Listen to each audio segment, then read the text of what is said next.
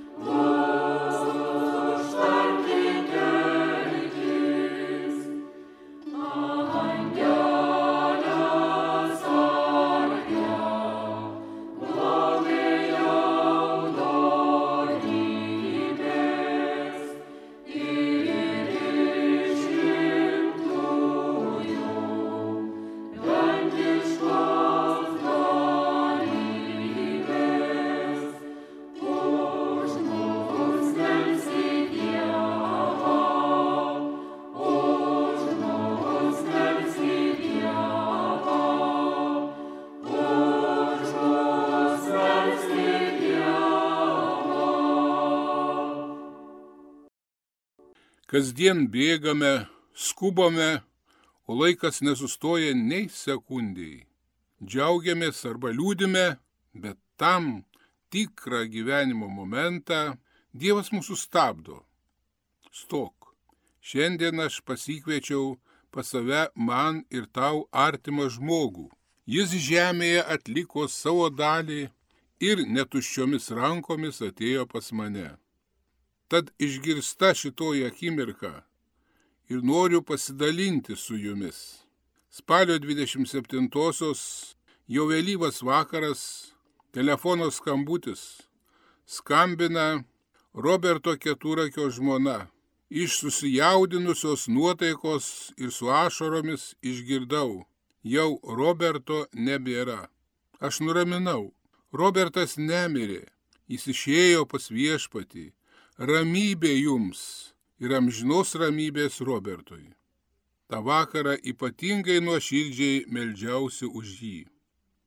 Robertas Keturakis, poetas, rašytojas, vertėjas, redaktorius, daugelio valstybės įvairių institucijų apdovanotas, Vytauto didžiojo universiteto garbės daktaras. Tai tik tai mažytė dalelė jam suteiktos žmogiškos pagarbos ženklų. Mes buvome su juo labai artimi bičiuliai. Nuo pat Vytauto didžiojo universiteto atkūrimo, kada susipažinome, išlikome labai geri draugai. Ir kaip Robertas vieną kartą mane pavadino, tu Vytautai esi man dvasios tėvas, per tave daug giliau pažinau ant gamtinį gyvenimą ir meilę Dievui ir žmogui. Robertas buvo mano daugybės knygų redaktorius, o ypač mano poezijos knygų.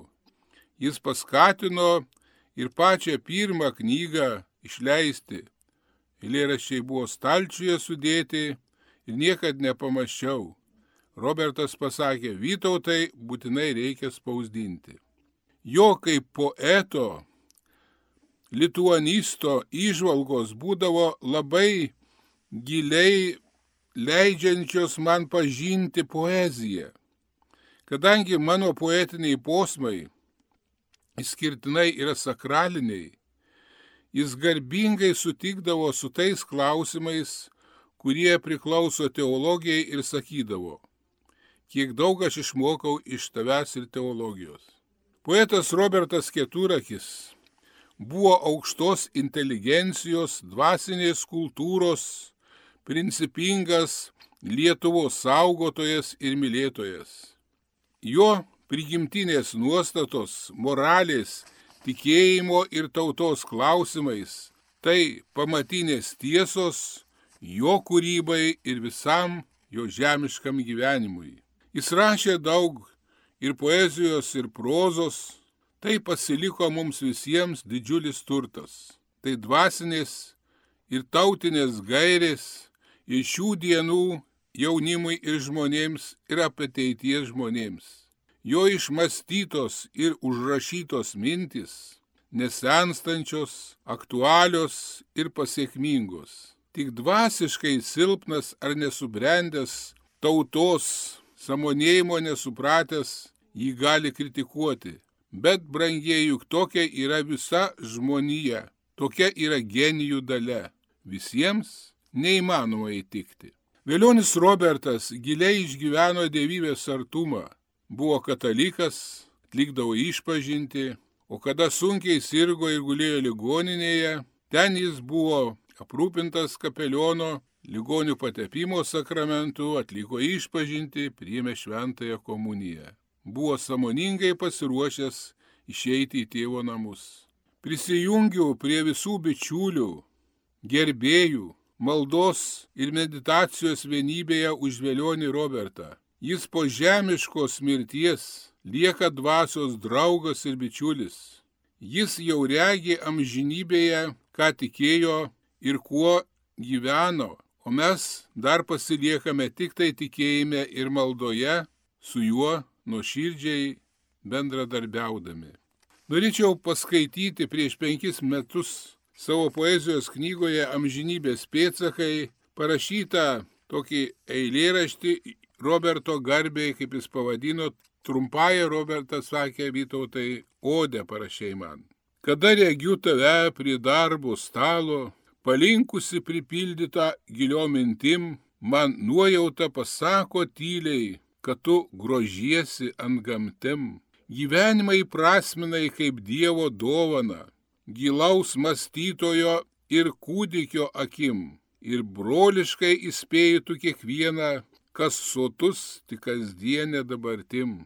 Jaučiu tavyje vyrišką galingą jėgą, tėvynė tau, tai nuosavi namai, be kompromisų tu paminiai, kas buvo brūkama į sielą atkakliai, skaudus brusgynai ir eškiečiai, kartais sužeisdavo dvasingą sielą, tačiau jie grūdino tave kelioniai ir įreisi į priekį atkakliai. Pabiro žemėje subrandintos mintys, jaugo žodyje ir žmonėse, dievybės artumoje subrandintos eilės, išlieka tėviškės aruoduose ir širdyse, nesislėpiai už nugaros tu pataikūnams, visuomet atviras esi, nes myli tiesą tą galiūnę ir dovanoji vis, kas sieloje kaupi. Rašyk, rašyk ir nesustok, nes žmonės ilgisi tavų minčių. Visuomet susikaupęs, padėkoki viešpačiui, kurs pakvietė, kad būtum poetu. Jau šiandien, mielas Robertai, tu esi viešpaties akivaizdoje. Tikiu, Robertai, kad tau šiandien labai gera viešpatės artumoje. Tai ir yra tavo amžinasis dabar amžinybė. Ilsėkis su viešpačiu ir palaikykime vienas kitą maldoje ir minties vienybėje.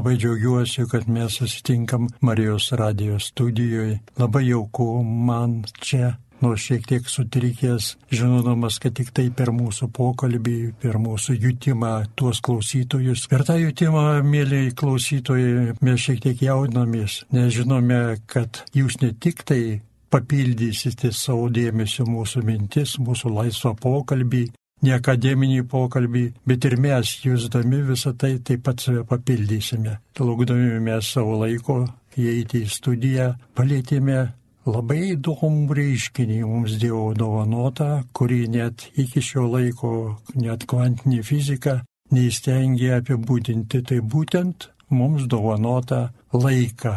Ne tik gyvenimo laiką, bet ir svajonių laiką, meilės laiką, mūsų mažųjų augančių jau galbūt 22 amžiui laiką, į juos mes be galo stebėme su didelė viltim, mūsų nerimo laiką, mūsų Lietuvos, mūsų tėvinės laiką, tai yra istorinį laiką. Ir kartais dabar aš jau pagalvoju ir apie savo mirties laiką. Kaip jums atrodo, kur aš galiu suklysti, taip tarytum kapodamas laiką į kažkurias tai plotmes, į kažkokius tai gabalėlius, kai tuo tarpu jūs pasakysite, Robertai klysti, mūsų laikas yra labai vientisas ir nepriepiamas. Įspėjimas, kad tarytum akimirkos, dienos, metai vis dėlto žmogaus yra sumuojami, apžvelgiami arba skaudžiai be galo, matant, kiek daug tuštumos tavo gyvenime būtų arba kiek daug klaidų ir išvadų padaryta vien tik tai saugant ne tik tai savo, sakysim, sielą, bet saugant daugiausia savo tą mirtingai apdarėlį, kurį vadiname taip gražiai kūno. Bet e, kaip įdomu, kada aš pradedu kalbėti apie gyvenimą, visuomet prisimenu mano mamą. Mano vaikystėje namuose nebuvo nei telefono, nei radio, nei televizoriaus, nebuvo net kurį laiką laikrodžio ir laikas buvo nustatomas pagal mūsų gražaus gaidžių gėdojimą, žinodavom, kad trys, tris kartus sugėdant gaidžių maždaug penktą valandą ryto būdavo. Tik vėliau aš dar vieną laiko skaičiuoklę įsigijau, nes mano kaimas buvo netorėjimas taičių ir ten traukinys judėdamas iš Kauno link Karaliaučiaus krašto turėdavo įveikti įkalnę ir jo dundėjimas būdavo toks pavargęs, duslus, ir man atrodo, sklisdavo iki pat biržų nuo pat suduvos. Ir tada žinodavau, kad jau yra 7 val. ryto. Jūs paminėjote Doloresą vaikystę. Aš buvau įstikinęs, kad e, vien tik tai siela ir e, meilė nežino laiko. Bet dabar jūs pasakėte irgi stebėtiną man atradimą, kad vaikystė taip pat nežino laiko. Todėl yra pati laimingiausia, jie atrodytų, kad jie yra amžina čia žemėje, greta savo tėvų, jeigu yra labai laiminga, graži, nepikta, neužgauliojanti, nežiauri, kartais už mažyčius nusikaltimėlius baudžianti į vaiką šeimą, tada iš tikrųjų gali pajusti, kad tu esi visiškai neliečiamas laiko ir tu gyveni su savo didelė amžinybė tau Dievo dovanota. Ir tada aš subejoju, kad būna vis dėlto momentai, kada siela taip pat žino laiką, būtent per vaikystę jinai taip pat susipažįsta su laiku ir laikas nei vaikystės, nei mūsų sielos tada, suprantu, neslėgia kad slegia laikas ir kad mano gyvenimas yra man duotas ne todėl, kad aš vien tik skaičiuosiu sekundės, sakysim, ir amžius, bet laikas duotas, kad aš suvokčiau, jog aš esu laikinas. Neslegiamai laikinas, bet labai viltingai laikinas ir kad mano žemiškas gyvenimas viešpatys man yra dovanojamas pajusti, koks yra stebuklingas Dievo pasaulis. Ir kad laikinumas gėlės, medžio, upės netgi, net saulės, kada sužinojau, jau domėdamasis astrofizika, irgi laikinumas yra tik tai mažytė apsireiškimo Dievo dalis. Tada aš nurimau, bet atsirado kitas nerimas, kalbant apie laiką. Kuo aš jį užpildžiau? Ir mes šiandien, vat, mėly Marijos radio klausytojai, dalinami su jumis tai, ką mes patyrėme kaip tik tikra, nes mūsų yra patirta, mūsų dabar liūdijama. Ir neįsigaskite, jeigu kartais mūsų pokalbėje pasigirstų liūdėsys, pasigirstų nevilties dalis, kad kai ko nesupratome ir nusivylėme, kad nusupratome pačiai savimi, tagu būna ir jūsų dabar sklindančių minčių papildymas. Aš perskaitau Čestertono tokią frazę, kad džiaugsmingoje muzikoje visada reikia, kad būtų skausmo pauzės. Nuostabi frazė. Tai vad, Robertai, labai norėčiau jūsų nuomonę sužinoti, vad, kas tai yra, kodėl tiek susiraukusių veidų, kodėl tiek nepatenkintų, ar verta, ar reikia prisiminti, smelktis į tą praeitį, kas yra šitas va dabar, šiandien, mūsų va šitas laikas, man, pažiūrėjau, tai daugiau rūpi. Ir jūs teisi, ir aš buvau teisus taip galvodamas, bet kaip įdomu, kad mane tiesiog sustabdė, kada aš įsakiau labai panašiai šitą šiandienos amžinybės pranašumą prieš visą tai, kas yra jau buvę.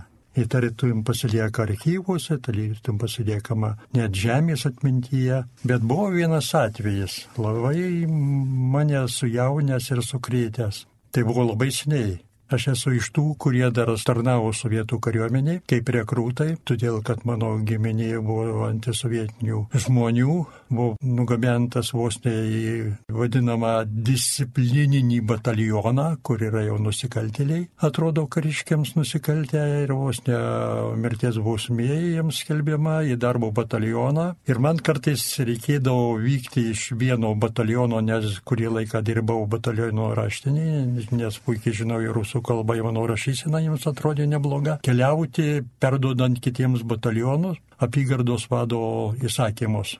Ir vieną kartą man teko keliauti prie Baltosios jūros Onega ir Arkangelskas į Taimyro pusėsalį. Mane vežė su dviem elniais, pasirodo mažos tautelės atstovas Jukagyras. Važiuojam, aš tyliu, jisai kažką tai dainuoja, man atrodo rusiškai gerai žino, jisai šitą kalbą aš paklausiau, sako, mielasis, ką jūs dainuojate? Aš sako, šaukiuosi tuos, kurie buvo prieš mane.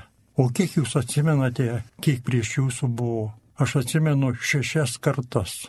Ir ne todėl atsimenu, kad aš galėčiau dainuoti juos kreipdamasis, man labai rūpi per juos, ką apie mane galvos ateinančios kitos kartos mano vaikai, mano anūkai, mano proanūkiai. Jie sako, mielasis kareivi, jeigu jūs nejausite, ką apie jūs galvos, kaip savo praeities kartas ateinantys žmonės, sako, mes tada neverti gyvenimu.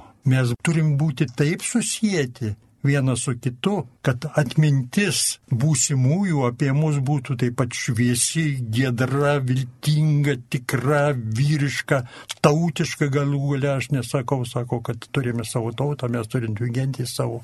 Ir aš pirmą kartą taip net krūptelėjau suvokęs, kad nėra bereikšmio mūsų laiko.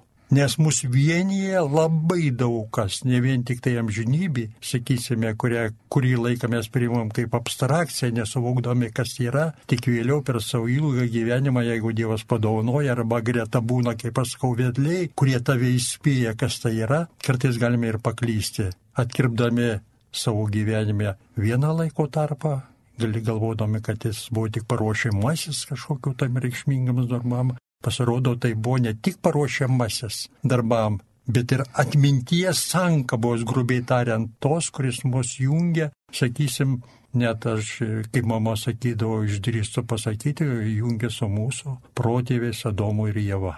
Ir šitaip kalbant ir šitaip galvojant, tada Kaip aš pradėdamas mūsų pokalbį Doloresą pasakiau, kad e, laiko nežino tik tai siela, nežino vaikystė, nežino meilė, pasirodo, jie žino savo laiką. Žino kiek kitaip, negu mes čia esantys šioje žemėje, kurioje šiuo metu ne tik Lietuva atsidūrė prie bedugnis, stumiama tų, kurie galvoja apie tai, kad nėra mūsų tautiško savitumo, nėra mūsų lietuviškos kalbos, yra tik tai pasaulinė kalba. Mes turime sutapti su bet kuriuom, sakysim, religijom, bet kuriais tikėjimais. Ir man buvo labai baisu, kada skaitydamas ES konstituciją aš pamačiau, kad nėra nei ženklo krikščionybės. net nepaminėta ir neatsirado tas žmogus, sudarant šitą vadinamą konstituciją, kuris būtų pasakęs, jeigu mes atsižadam krikščionybės, mes jau esam ne Europa ir mes neturim jau to turiningo ir Dievo mums suteikto gyvenimo, kuris mums yra būtina, kalbant apie kitas klystančias tautas, sakysim, ar klystančią žmoniją. Visą tai susumuojant, pasirodo, kad išbandymai mūsų tikėjimo, mūsų suvokimo, kas yra mums dovanotas laikas, dar nesibaigė ir kiekviena karta tą turės praeiti. Ir aš džiaugiuosi, kad mes galime jums palikti labai didelę viltį, kad niekada mes nebūsim atskiri. Ir kaip mama man sakydavo, vaikė, aš labai bijodavau nakties, Aš labai bijodavau kažkokių tai sapnų baisių. Ji pasakė, niekada nebijok. Pirmiausia, tu turi angelą sargą. Ir dar vienas dalykas, vaikelė, tave turėtų lydėti iki pat gyvenimo pabaigos. Dievas mūsų niekada neišduos tamsai. Ir aš dabar galiu ramiai kalbėti ir apie laiką, ir apie praeitį, ir apie šiandieną, ir apie ateitį aš galiu ramiai kalbėti, nors žmonija atrodo tikrai stengiasi, kad nebūtų jos ateities. Ir tada, sakysim, ne tik tai ant mūsų, taip, ant mūsų, galima sakyti, tikėjimo, ar prie mūsų tikėjimo priglunda tie paklydusieji, Juo labiau prie mūsų dvasininkų prisiglaudžia arba atitolsta paklydusieji, juo labiau didysis uždavinys tenka ne tik Lietuvos bažnyčiai, kuri netokius išbandymus atlaikė, turbūt ir dabar atlaikys. Ir net aš džiaugiuosi, kad kalbėdami mes Marijos radijoje irgi siunčiame ne tik tai tam tikras viltis, bet ir įsitikinimus, kad mes kalbam ir jums labai svarbiom temom. Mes pradėjom filosofuoti, bet tie dalykai, apie kuriuos mes dabar kalbame, jie vis tiek paliečia kiekvieną mūsų. Ne tada, kada jis galimas dalykas per paskutinę savo gyvenimo valandėlę ar akimirką bando užčiuopti ir ačiū Dievui, kad bando. Nes niekada neužmirši Kristaus žodžių, kada jis pasakė greta kabantiems prie jo kryžiaus nusikaltėliams. Ką reiškia viena akimirka žmogaus suvokus, kam tu priklausai ir kur tu turėjai būti ištikimas ir grinas ir švarus ir tyras. Ir tą akimirką pasirodo irgi yra lemiama. Kristus paliko mums dar vieną laiką, amžinybės laiką. To neturėtume užmiršti. Už tai aš esu jiems dėkingas ir dėkingas tiems, kurie čia dirba, klystkelius išgyvena labai daug žmonių. Ir tik tai laimė, didžiuliai laimė, kad kiekviename, kurie klysta, vis dėlto yra būdinti, aš nenoriu pasakyti, šventą dvasę. Nes tai, kas yra mums sakoma per, sakyti, ir teologų, ir kitų žmonių, kurie turi gilų tikėjimą mūsų išganytojų, kad laisva valia žmogui duota pasirinkti įvertinti, suprasti, ne tik tai per, sakysime, tas tiesas, kurios įsismelkia ir tampa mums amžinos, kaip mums dovanota akių šviesa tampa amžina ir čia ir ten, bet kaip tam tikras mūsų ūkdymas. Tam tikras mūsų ūkdymas čia ne tik tai mūsų šviesiais atradimais ir įstikinimais, kuriuos nieks negalės įveikti, bet ir klaidomis mūsų. Auklėjami mes esame ir klaidomis, kad ir kaip tai skaudu būtų pasakyti. Ir tada tokiais atvejais, jeigu greta žmogaus, kaip aš tai paprastai vadinu, nebūna vedlio, nebūna asmenybės, kuris supranta tave, kuris skiria tau dėmesio, kuris nori tave sulaikyti prie pat bedugnės krašto ir sulaiko labai dažnai, jeigu nepavėluoja. Ir kada jūs kalbėjote Doloresą apie šiandieninę, sakysim, žmoniją ir žmonijos pasitikėjimą daugiau savo persisotintų laikinumu ir galvojimu, kad visa tai yra viskas, kas žmogui duota, tada iš karto apima siaubas, o paskui apima labai didelis noras kiek aš galiu čia dabar gyvendama žemėje, nu, pabūsiu, kad ir kokiu kukliu, bet prie tavęs staptelėsiu žmogumi ir aš save nevadinsiu vedliu, bet aš tik tai norėsiu, kad tu taip pat būtum amžinybė žmogus, nelaikinumo, ne piktosios dvasios auka, ne pragarmės kažkoks tai siuntinys, bet būtum taip pat ir Kristaus žmogus, mūsų viešpaties žmogus turėtų. Tokių vedlių kaip aš suminėjau, ir e, Europą, ir ne tik Europą, ir visą pasaulį, vis tiek pradėjo atsirasti šiek tiek jau daugiau negu iki šio laiko buvo. Kas yra bendra tarp jūsų? Ir tas, kas yra bendra, žmonėje turėtų irgi išgelbėti, nes nedingo dar nei mūsų dvasininkai, jie čia ir būdi. Ir kada aš susipažinau su Kauno kunigų seminarijos auklėtiniais, būsimais dvasiškiais, aš įgyjau didžiulę viltį, ateina nauja karta. Ir ateina į dar sudėdinkesnį pasaulį, negu atėjo, sakysim, mūsų krikščyti Brunonas ir kitie pasiuntiniai viešpaties. Tada dar buvo laukimas ir buvo daug visai kitaip užteršų žmonių arba visai kitaip paklaidintų žmonių. O šiuo metu, kada spindi jau mums visa tai, kas yra viešpaties tiesa, atsiranda tokie žmoniai klyskeliai baisus. Ir kaip dar kartą miniu, miniu aš jums ir esu įsitikinęs, jei nebūtų dabar ir ateinančių vedlių mūsų, dvasinių vedlių, ir buvusių vedlių, jeigu nebūtų. Jeigu nebūtų, jau noriu pasakyti Marijos radijui, mes iš tikrųjų paklystume taip, kad turbūt niekas mūsų jau neišgelbėtų.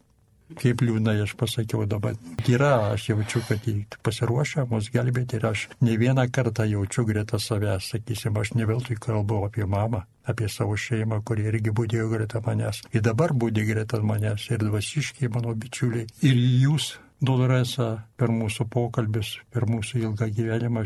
Ką reiškia Lietuvai daugiau negu 50 metų bolševizmas? Kada aš pajutęs, kaip atitolsta, atplyšia iš manęs labai daugą. Jūs, Robertai, kaip aš matau, turite ypatingą ryšį ir ypatingą meilę ir ypatingai kažką jums daug davė jūsų mama. Ir va čia yra tas laikas, kurį jūs vis norit kažkaip Imliausias laikas. Imliausias laikas. Ir jis jums labai labai daug reiškia. Aš noriu pacituoti. Įsikabinau dabar į Karlą Gustavą Jungą, būtent apie tą laiką ir apie tą, vat, kad jūs kalbate apie savo mirusią mamą. Ir jo yra tokia citata. Po keletos dienų sapnas pasikartojo. Aš vėl regėjau pasveikusi ir namo grįžusi tėvą ir vėl savo priekaištavau, kad laikau jį mirusiu. Vėliau dažnai savęs klausdavau, kodėl tėvas sapnuose grįžta pas mane, kodėl jis taip tikroviškai atrodo. Tai buvo nepamirštami išgyvenimai. Jie privertė mane pirmą kartą susimastyti apie gyvenimą po mirties. Ačiū. Ir tada aš vėl grįžtu prie savo mamos, kuri buvo mano iš tikrųjų auklė, motina, išpažinties irgi mano mamai, aš atlikdavau mamai išpažinti, kartais sakydavau, tai vad prisėsk vaikelė, šiandien tu kai ką padarai nedoro, negero, nuskriaudai, paimk ir man papasako, kas tave stūmė prie visų šitų darbų. Ir aš iš karto pradėdavau verkti, man buvo gaila pačio savęs, man buvo gaila mamos. Ir visa tai išliko. Ir dabar, kada Dolorese mes kalbame paliesdami ir savo gyvenimo detalės, aš dar kartą supratau, kad kiekvieno žmogaus gyvenime turi būti bent vienas įvykis, kuris savo šventumu, savo amžinumu, savo be galo budre jėga ir gale mūsų laikytų. Mamai buvo likę gyventi jau turbūt vieną valandėlį. Aš sėdėjau greta jos, paskui atsiklaupiau, pasilenkiau, norėdamas ją pabučiuoti, kažką godžiamo pasakyti, jis taiga jinai sako, vaikeli, tai ne tu pasilenkė viršum manęs mirštančios, tai aš pati pasilenkiau prie manęs mirštančios, bet kokia viltis, kad aš lieku vis tiek gyventi tavyje. Aš pati dėkingas aš tau už tokią akimirką. Į mamą esu dėkingas. Pajutau, kad į man suteikė tokį galingą žvilgsnį mums jau dovanotą gyvenimą, kuris yra vat, perduodamas taip labai gražiai vienas kitam, nebūtinai per kūną netgi mūsų laikiną tokį apdarėlį, bet būtinai per tikėjimą, kad visa tai yra nenutrūkstama, nesukapojama detalėmis, vientisa ir nepaprastai galinga dovana, kuri gali kartais sustabdyti mus ir suprasti, kokia didelė atsakomybė greta visų mūsų linksmybių, greta mūsų švenčių, greta mūsų džiaugsmo. Didžiulė atsakomybė yra ne tik tai už save patį, bet aš net galvoju kartais, kad ir už visą pasaulį. Ir net už jūs, mylimi Marijos radio klausytojai, irgi tokia padėlė atsakomybė.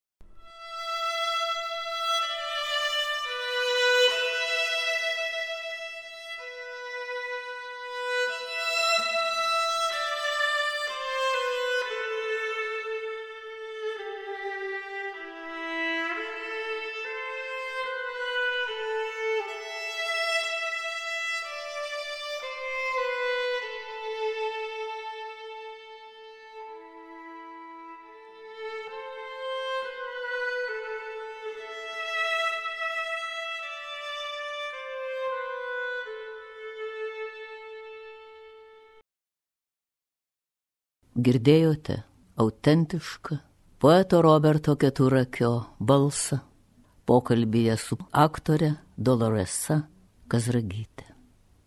Aš Olita Dautartaitė jums paskaitysiu eilėraščių iš poeto knygos Nakties baltieji debesys. Sutikt tave, rašyti eilėraščius, kai sniegučius sijoja, nuvargę debesis ir mirgesys šviesos, įsrūva kambarin apgaubdamas visus, lubas grindis, rankas jaukumą, alveolių, rašyt kaip sniegina galvelė žvitrė, pasukus sutelpa pačiam akių dugne, užmiršt, koks laikas sminga į mane, jau svetimas todėl jaučiu netikras. Sutikt tave prie šešėliuotų durų ir prisiglaust ir sniego dvelkimu, dangaus kvapu palaimintų namų, uždengtai lėraščius ir atsimint, kad turim. Gyvenimo dugne. Aš vėl tamsus ir liūdnas vėliai. Likimo klebino duris. Paskutiniai trupinėliai gyvenimo ant delno kris gal balsas pasigirs, kas kaltas užklyst kelius, užviltis tas, vien duris aikteli užkaltos, kai pirštai paliečia lentas, kažkokia išeitis dar slypi, toje gedroj, kai tu jokies, bet su šviesa jiem žinybės ruvent, jaučiu man nereikės. Dabar jau neprašau paguodos. Ir nebilėja jau malda gyvenimo dugne, gal gruodas, o gal tik sausgėla, juoda, paliki galimybę, dar neskubėk, dar neužpirk mišių, šventovėje gertrūdos, kur prie kryžiaus atsiklaupiu, atleisk, kaip klydęs klysiu, suklysti nenorėdamas, nešu prie kojų tau padėti savo norą, atleisti, net leistiniems, palik man galimybę siekti jūrą, tik tenai išnykti ir neleisk kartoti gyvenimo iš naujo, dar suspėsi. Išvyst mane prie įlankos rūpjūti, užrūgė veidžių šnarančių truputį, nuo kopos meliukų į tavo delną tiesiai. Ne ten, aš nežinau, ar bus dar vienas rytas, gal prapulti per maudulį jauti, kaip stengiasi diena bent mirksnį sulaikyti, nors ašaroj, nors mirksnio atspindi. Kol kas nesambriška, bet vėluma padvelkus, šešėlių liūdėsių užsimena, išduos, vėl tamsai, tai, kuri net užsimerkus, užklos bedugnim, tuštumos juodos, kaip skaudžiai krinta žvaigždės, baigia aikčioti ir bliksnių nesekio kertelėse lubų Gyvenimas praėjo, kunigaikšti, tamsos, šviesos, dabar jau nesvarbu. Staiga taip viskas, sumažėti stengias ir pasislėpt mani likučiuose vilties. Pagundai nepaklusk ir nežiūrėk į dangų, net ten dangus kažkur už prapulties.